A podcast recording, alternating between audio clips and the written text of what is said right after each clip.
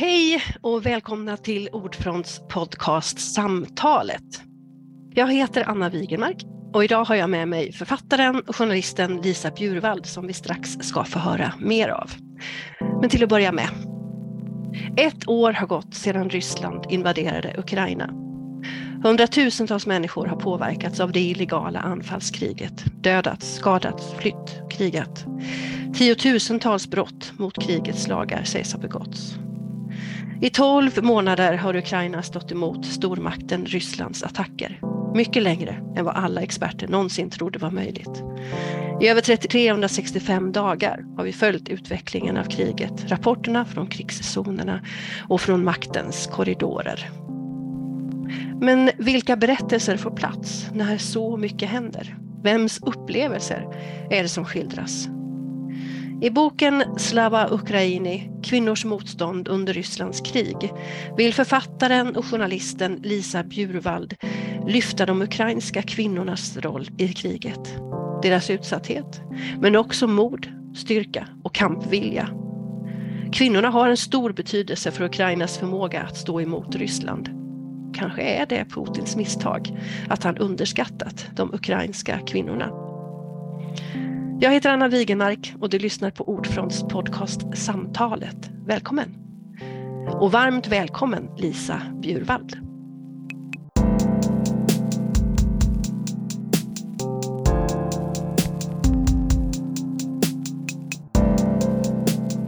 Du eh, Lisa, du ja. har ju alldeles nyligen kommit ut med boken Slava Ukraini som ju handlar om kvinnors motstånd i mot Ryssland, eller Rysslands krig mot, eh, mot Ukraina.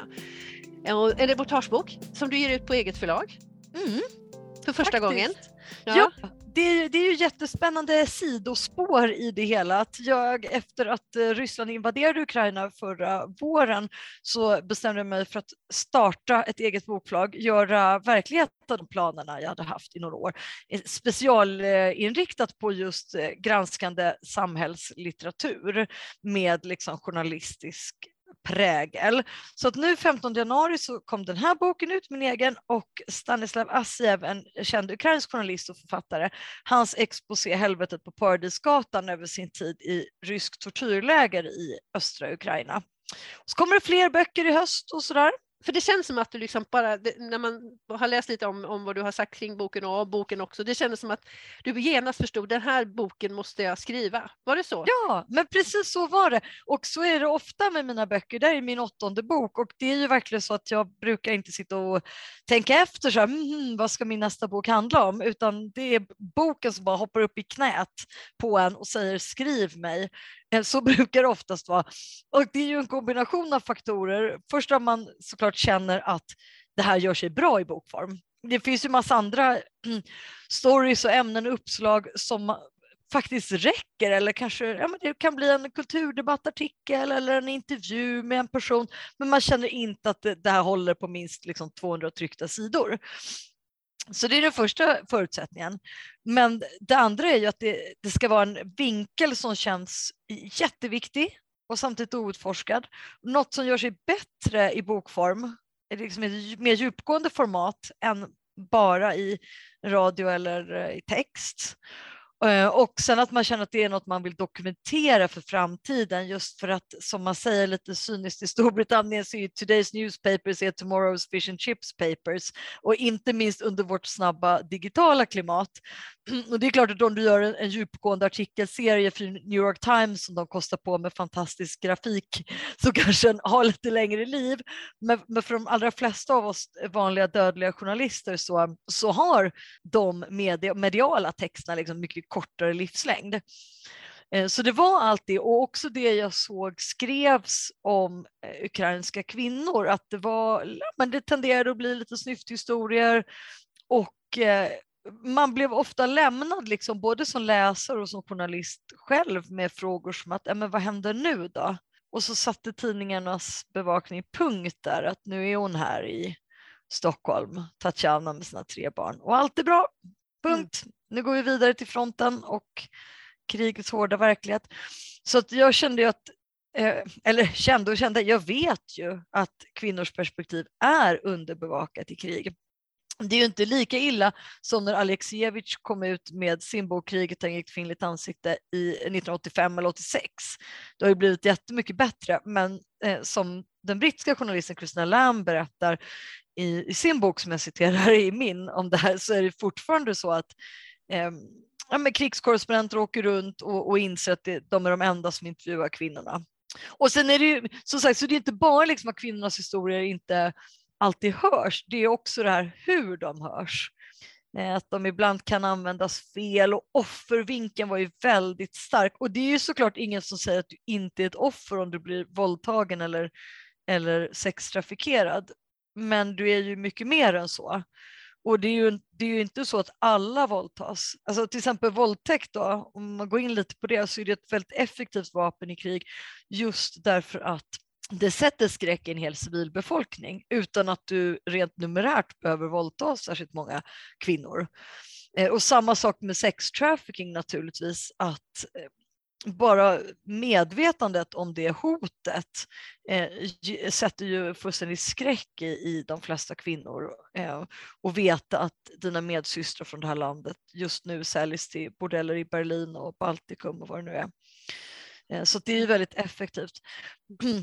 Så det var man kan ju vara offer, men, men vad tänker de själva? Det är ju alltid så som journalist när man också är författare, att, att man vill veta vad tänker då de här som skrivs på det här liksom förenklade svartvita sättet om dem? Vad tänker de själva om sin situation? Eh, hur, är det, hur är det som europeisk kvinna att, att plötsligt stå inför en invasion? Eh, hur, hur, kastas ditt liv omkull och hur orkar du? Hur orkar du möjligtvis göra någonting mer än att bara inom citationstecken fly till ett främmande land? Du kan ofta inte engelska om du är ukrainska. Du har barn, ofta små barn eh, som du måste ta hand om själv. Eh, hur klarar du av allt det här? Och sen sätter du där och börjar dra ihop demonstrationer och insamlingar i det här nya landet. Mm. Eh, deras kraft har ju varit otroligt imponerande att se. Mm. Och, det, och det här menar du att du, du såg det men det rapporterades inte riktigt om det och, då, och det var liksom skälet till att du ville se som en, en helhetsbild av Ja men så är det ju. Ja men mm. så är det en helhet och det är ju samma sak om man tittar på till exempel min bok BB-krisen att det är klart det har ju skrivits jättemycket inte minst i lokalpress i Sverige som har varit nästan bäst på att bevaka det mm. eh, genom åren, faktiskt flera decennier som Sverige har lidit av brister i förlossningsvården. Men fortfarande så saknas också där hela bilden. Alltså varför har vi en BB-kris? Varför tar den aldrig slut? Och vad händer? Återigen det här att man går ett steg bortom rubrikerna. För där kunde det vara så här, hon fick en skada, hennes barn fick en skada. Ja men hur många får det då? Och varför blir det aldrig bättre? Och hur mår hon tre år efter? Alla de här följdfrågorna och det är också därför jag startat bokförlag. Eh, därför att jag tycker att journalistisk facklitteratur spelar en så stor roll i samhällsdebatten. Man kan verkligen komma och eh, erbjuda nycklar till att förstå samtiden. Sen kan man ju tycka att de böcker jag skriver eller de jag ger ut är jättedåliga, det får man ju göra. Men, eh, och det kan det ju säkert finnas liksom delade meningar om. Men jag hoppas att många andra förstår liksom just behovet av den här typen av litteratur. Mm. Vad var din relation till Ukraina innan kriget? Den var väl inte jättestark kan man säga. Eh, jag hade varit där några gånger. Jag har varit på här, internationella journalistträffar i Kiev och såna grejer. Eh, och jag har ju skrivit om sextrafficking och då var det ju så olyckligt att det finns nätverk, väldigt starka aktiva kriminella nätverk för människohandel på plats i Ukraina och omgivande länder redan innan den här mm. invasionen ägde rum. Eh, och det kände jag ju till och det gjorde att jag också visste i princip så fort eh, det här anfallskriget bröt ut att nu, nu finns det en jättestor risk här. Och när man säger som att nätverk finns på plats kanske låter lite vagt men det betyder att man har Eh, gäng i olika städer, man är hopkopplad med olika maffior och gäng i andra länder, man har tillgång till lägenheter, man kan ha mutat polis, gränspoliser, man har färdmedel, eh, man har helt enkelt liksom en, en helt egen infrastruktur för människohandel. Mm. Och sen så, så fort de här siffrorna kom, återigen bara under invasionens första dagar, att över 90 procent av de som flyr är kvinnor och barn, då förstod jag verkligen att en katastrof var på gång. För att när vi säger barn så menar vi ofta ja, men kanske under 18 eller åtminstone under 15. Och det är ju ingenting som hindrar de här trafficking-gängen om någon är under 15, alltså tvärtom. De tycker bara att det är bra om det är unga tjejer som är 13, 14, 15. Mm. Så det, var inte, det är inte bara kvinnorna, det är också de vi betraktar som barn. Då. Mm. Och man har ju gått på eh, har ju experter berättat som jag intervjuat då att eh, man går ju på mammor som kanske då fortfarande är säljbara. Man får ju barn mycket tidigare i Ukraina och många andra europeiska länder än i Sverige. Så då kanske du är 30-35, fräsch mamma kan fortfarande säljas och så har du en tonårsdotter som är mellan 15 och 20. Perfekt, då har du ju två eh, köttstycken igen.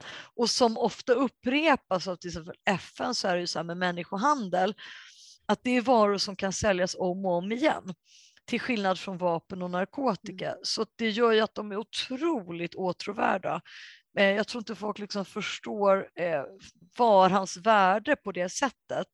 Har du väl sålt en påse kokain till exempel till någon, då snortar de upp det och sen är det slut, sen har du fått din betalning. Då är den transaktionen över.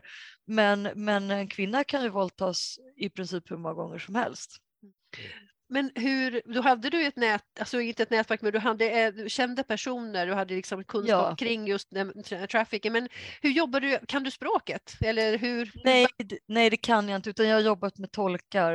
Eh, så, så är det ju lite olika. Engelska fungerar ju jättebra med de som till exempel haft internationell samövning med andra militärer, kanske med politiker, med artister och kulturutövare. Men om man ska säga lite klyschigt, då, så den vanliga ukrainskan mm. eh, har ju inte jättebra engelska, så då har jag använt tolk. Mm. Sen har jag intervjuat till exempel lärare och de kan ofta engelska. Mm. Eh, men ja, absolut. Jag, hade, jag visste ju liksom vilka antitrafficking-organisationer finns det, vad är det för form. Men jag tycker, jag tycker inte riktigt det handlar så mycket faktiskt om de praktiska detaljerna, för jag har ändå ja, jobbat över hela världen och det, det brukar inte vara problem. Det viktigaste var ändå, tror jag, att man vet det här att mår den här personen tillräckligt bra för att prata med? Och är det här värt att göra ett etiskt övertramp och publicera det här. Alltså jag har ju massa material som jag inte publicerar i den här boken därför att det ger inte läsaren någonting mer. För en läsare kan veta hur det är att ha blivit våldtagen. Eh, en läsare kan veta hur en traumatiserad människa sänker blicken och skakar och börjar gråta. Eh, om du inte själv har hanterat ditt trauma då ska man inte komma som journalist och peta. Och jag, jag tänker ju att jag eh, troligtvis kommer skriva en uppföljare om den här boken men att det måste gå minst fem, kanske till och med tio år och att man då kan prata på ett helt annat sätt exakt vad som hände. Man, det, det, finns en annan, ja, det finns andra möjligheter då. Mm. Eh, men, men menar, det, finns, det finns ingen anledning att prata med, alltså försöka söka upp personer som, ja, men, ta ett rättsfall, en ukrainsk kvinna som kanske då har eh, blivit våldtagen många gånger medan de ryska soldaterna har mördat hennes man till exempel. Mm. Eh, det finns ju ingen mening med, eh, med att göra en sån intervju. Mm.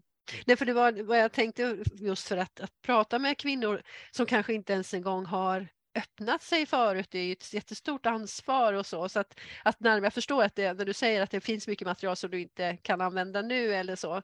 För, för, för eh, många, det är ju en situation när man pratar om våldtäkter i konflikter och krig att det är ju så oerhört vanligt förekommande och tyvärr ofta bortglömt i de rättsprocesser som sen eh, ja, möjligtvis leder framåt. Det ligger ju, de letar ju efter massvis med eh, bevis för brotten. Men de här brotten, trots att det finns så mycket sagt och gjort internationellt i de olika tribunalerna och i brottmålsdomstolen nu, så, så, konsumeras de liksom ofta av andra brott och så.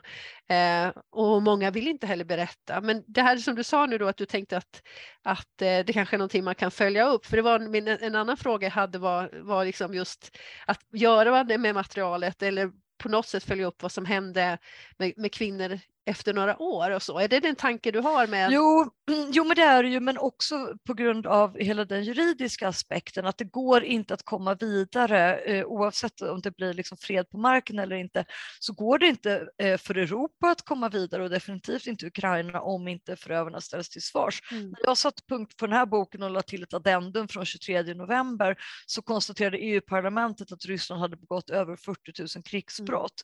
Mm. Eh, det finns ju en lite farlig tendens tendens kanske i medierapporteringen som jag börjar se där man nästan försöker jämställa de här två parterna. Men eh, man mm. måste ju komma ihåg att inte bara är det Ryssland som har invaderat, eh, Ryssland eh, begår ju också krigsbrott på ett fullständigt ohämmat sätt. De har ingen ambition att följa eh, krigets lagar.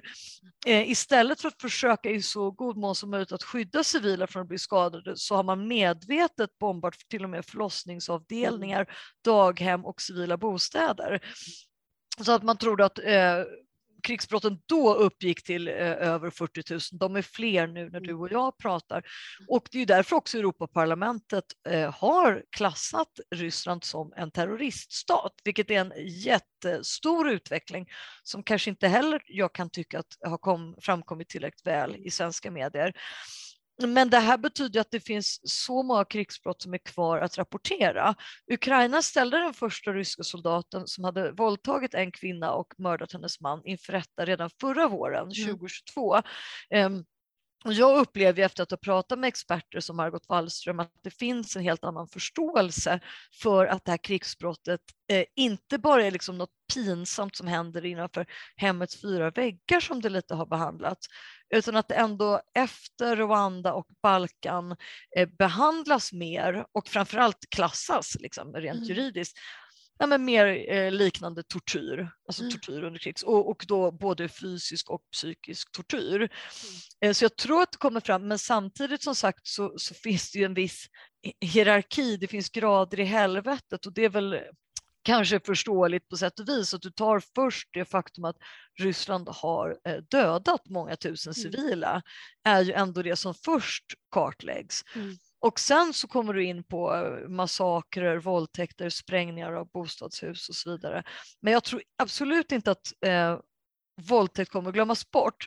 Och det är så tydligt nu också så många eh, västerländska kvinnliga ledare som tar upp det. Jag tänker på Sanna Marin i Finland, men också Kamala Harris bara på den här säkerhetskonferensen i München nu för några dagar sedan i februari, eh, där hon faktiskt också öppet pratar när hon nämner war crimes så säger hon rape. Och jag intervjuade Dennis Mukwege, nobelpristagaren för någon vecka sedan här i Sverige. Och hans främsta budskap var just att tystnaden måste brytas. Vi måste sätta ord på det, oavsett om det gäller eh, incest i familjer, privat, eh, sexövergrepp på jobbet eller eh, våldtäkt som verktyg i krig. Mm. så måste vi eh, prata om det. Och i det här kriget så har man gjort det liksom, ända sedan förra våren. Mm. Och det upplever jag ändå är, är någonting nytt. Mm. Och, och, positivt att mm. det pratas om det så öppet, utan mm. skam som det inte ska vara. Nej, just det. Vi får hoppas att det får den effekten. Det finns ju instrument och verktyg att till, för att det är ju kriminaliserat också i, i, i ganska så detaljerad nivå eh, om man talar om ICC till exempel. Så att, men det har ändå inte riktigt slagit igenom. Men, men eh, det ska, den här avskräckande effekten, för det verkar ju inte finnas någonting som avskräcker eh, från att våldta eller utsätta och det här det förnedrande eller vad ska jag säga den skrämseltaktik som det ändå är. Det verkar ju vara helt inte ha någon betydelse. Eller det verkar inte så? Eller? Nej, nej, det gör det verkligen inte. Och eh, där tycker jag väl att de kvinnliga experter som har jobbat med den här frågan i många år eh, understryker ju alltid att det måste komma ovanifrån eftersom militären är så strikt hierarkiskt. Men på gott och ont. Ofta är det för att det överhuvudtaget kunna fungera, att inte alla springer åt olika håll. Eh, men det betyder alltså att då har du en, en chef i det militära som säger att det är fullständigt oacceptabelt i den här bataljonen eh, att våldta fienden. Eh, så, så agerar vi inte, det är barbariskt och det är i strid med, med internationella lagar och föreskrifter.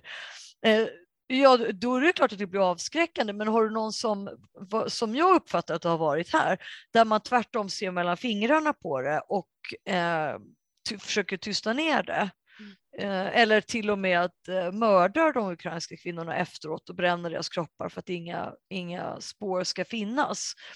Eh, nej men då är, det ju, då, då är ju budskapet från ovan att nej, vi ser mellan fingrarna på det här, det här är inte en, prioritet, så här kan du behandla kvinnor. Mm.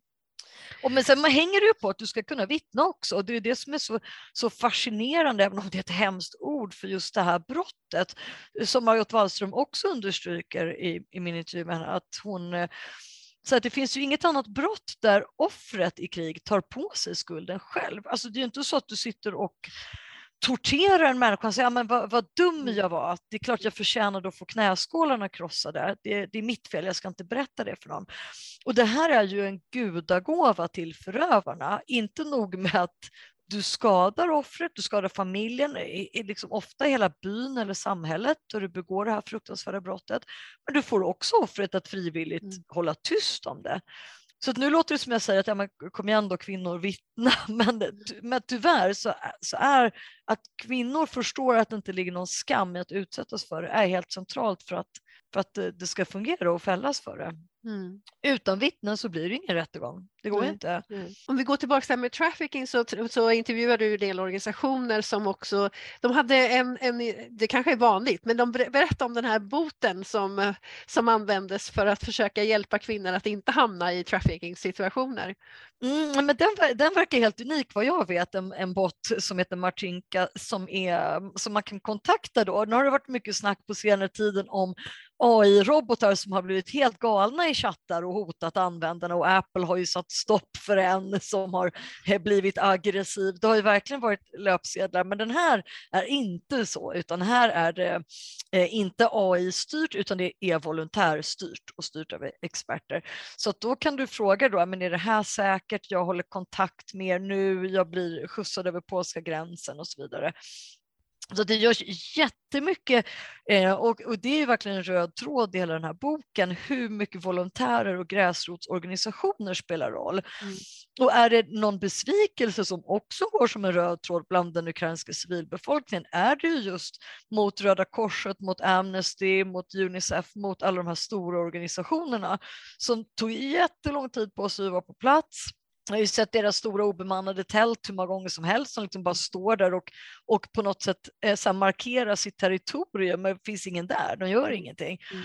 Och sen är det helt vanliga människor och inte ens då eh, ofta föreningar som kanske redan fanns, utan det kan vara liksom en, men bara några, jag träffade en man och hustru från Irland eh, som råkade ha några ukrainare i sin community där och, och blev väldigt berörd av det här, samlade ihop eh, hur många tusen euro som helst och stack ner med en buss. Alltså, sådana kraftsamlingar har vi sett från hela Europa och helt vanliga medborgare som bara kör fram och tillbaka och Mm. hjälper. Mm. Så det är jätteviktigt att, att ta med den uppsidan och den Mm. positiva aspekten, att det inte bara är eh, det här folk är ute efter att utnyttja flyktingar på flykt. För Mm. förutom sexhandeln så har du, det är ju svenska sexköpare också som har tyckt att det är okej att, att köpa sex av en Mm. ukrainsk krigsflykting. Mm. Vilket, alltså tanken bara svindlar ju tycker jag, både som, ja, men bara som kvinna och medmänniska. Mm. Eh, Men det har man tydligen klarat av att göra.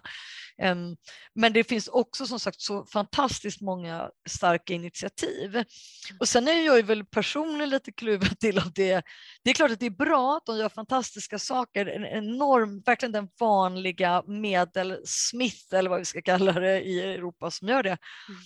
Men, men ska det vara så, alltså ska en så stor del av Europas hjälp eh, på plats, ska det verkligen skötas av volontärer? Mm. Ja, alltså mänskligt, ja det är fint, men rent professionellt så är det ju faktiskt att vi har och vi ger väldigt mycket statligt stöd och svenskar inte minst skänker ju miljoner kronor varje år till de stora hjälporganisationerna. Så, Mm. så min slutsats är nog ändå att de har, de har svikit lite här och de har tyckt att det är jättebekvämt Mm. med alla de här eh, tusentals privata initiativen. Mm, mm. Och det kan ju bli, då, det, kan ju bli kaosartat också. Det fanns ju en sån här Ja. typ exempel som på Haiti när det var efter jordbävningen där så var det ju liksom hundratals, ja, kanske tusentals organisationer som alla skulle hjälpa till och det blev bara totalt kaos av det. Måste vara- Absolut. Det Absolut. måste vara svårt också för kvinn, eller de som flyr att också veta vem de kan lita på i de där sammanhangen. Så Mm, bra med den här typen av initiativ ändå. mm.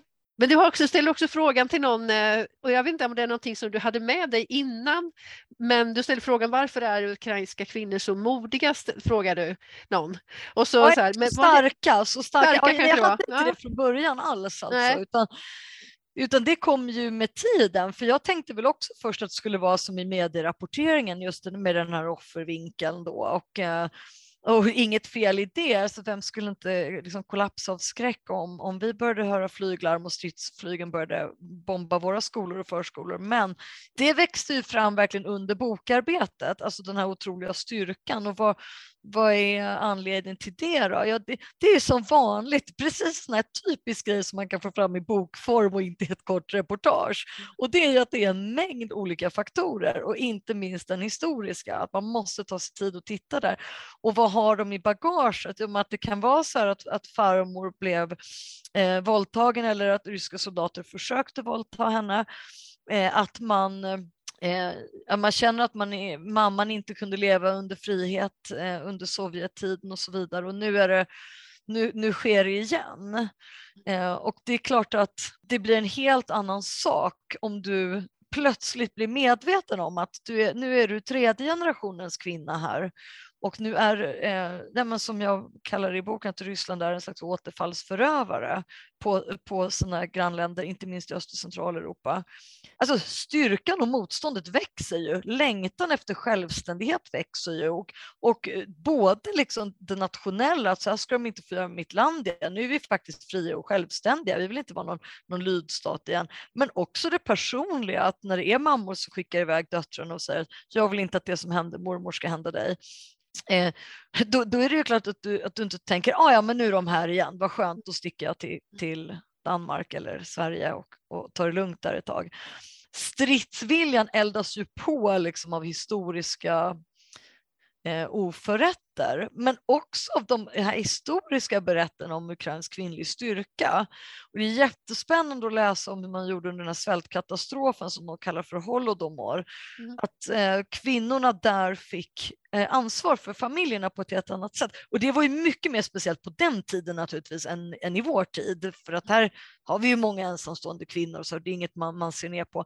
Men då var det ju mannen som försörjare och familjens räddare och, och eh, kvinnor fick ju bilden av att eh, om mannen dör eller försvinner bort eller dör i den här svältkatastrofen, då dör vi också. Sen lärde de sig ju genom den här fasansfulla upplevelsen att det inte var så, utan att de faktiskt kunde överleva de, de klarade sig och eh, i många fall också sina barn genom den här fruktansvärda svältkatastrofen. Och det är ju, finns ju ingen ukrainska jag har träffat som inte någon gång har dragit någon sån parallell eller gjort någon liten kort referens till det också och mormor sa eller farmor sa. Eh, så där finns det ju styrka att hämta ur. Mm, mm.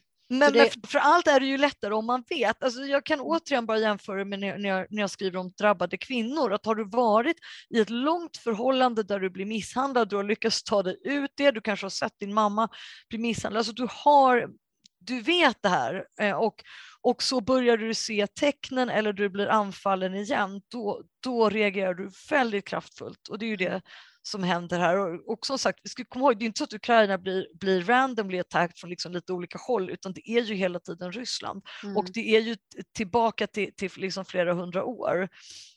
Och, och, och eh, stridsviljan är ju stark hos kvinnor också. Det är, jag tror det skulle oh, 25 procent av, eller ja. är, är kvinnor jämförbart ja. med USA i mm. Så eh, vad, vad får vad, hur, hur, märker man det på något sätt? Eller hur, Ja, men man märker det för att jag tror att solidariteten blir starkare och många pratar ju rent allmänt nu om att man, eh, nu du vet man trodde att de skulle klara av några dagar av det här anfallskriget och nu har de klarat i, i ett år och hur de har omva, eh, liksom, överraskat omvärlden och även olika Rysslands och Östeuropa-experter som har suttit med ögonen riktade mot regionen i liksom 30 år trodde inte att de skulle klara det här.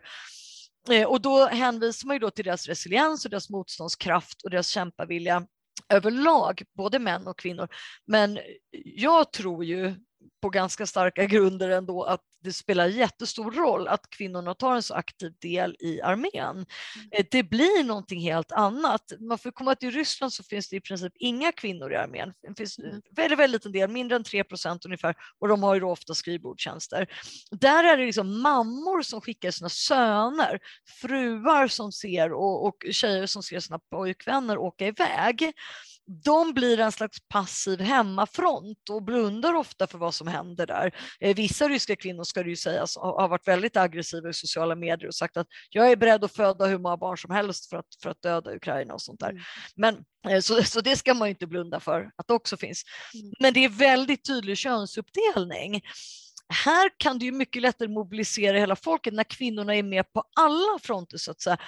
Eh, liksom ledande unga politiker i Ukraina är kvinnor, eh, de som tar hand om kvinnliga veteraner är själva kvinnor, eh, författare och journalister, chefredaktören för Kiev Independent som anses vara den främsta oberoende journalistiska tidningen där i Ukraina är en ung kvinna. Så att när du har dem på sådana viktiga positioner då blir det ju verkligen att du, du kan mobilisera hela befolkningen på ett annat sätt. Det blir inte det här männens krig mot andra män eh, utan, utan det blir verkligen Ukraina mot, eh, står upp mot den ryska aggressionen, mm. vi mm, mm. ukrainare. Mm. Så det kan vara ett av, av, eh, förklaringarna till varför det ser ut som det gör, att de faktiskt jo, men, klarar... Ja, ja, ja, men absolut, och en annan intressant grej är ju att många tror att Putin medve eller omedvetet räknade fel då, när han hade, just för att det har gått så fruktansvärt dåligt för eh, Ryssland på slagfältet. Och man, man har aldrig, inte ens ryska militärexperter hade förväntat sig sådana här nederlag.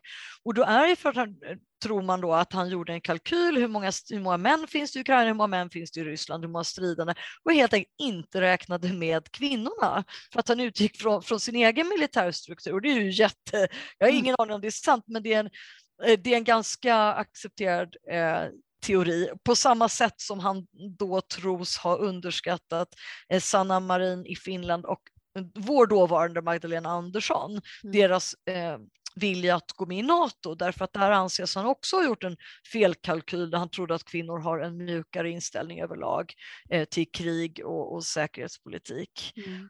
Det är, Så det, är, det är jätteintressant, men man, där kan man ju spekulera i hur mycket som helst, men det, ja. någonting ligger ju i det därför att Putin eh, driver en väldigt liksom, eh, chauvinistisk och mansdominerad, ofta öppet kvinnoförtryckande regim. Mm. Så att det, något finns det definitivt i det. Och det blir också det blir en kontrast som Ukraina är stolta över, det ska man inte sticka under stol med. Det är klart de använder det i propagandasyfte de ser ju alltid till att lägga ut på, på snygga unga kvinnliga militärer och det ser man ju hur Israel gör till exempel också och USA för den delen eh, och Storbritannien och vi, vi gör det själva här i vårt försvar.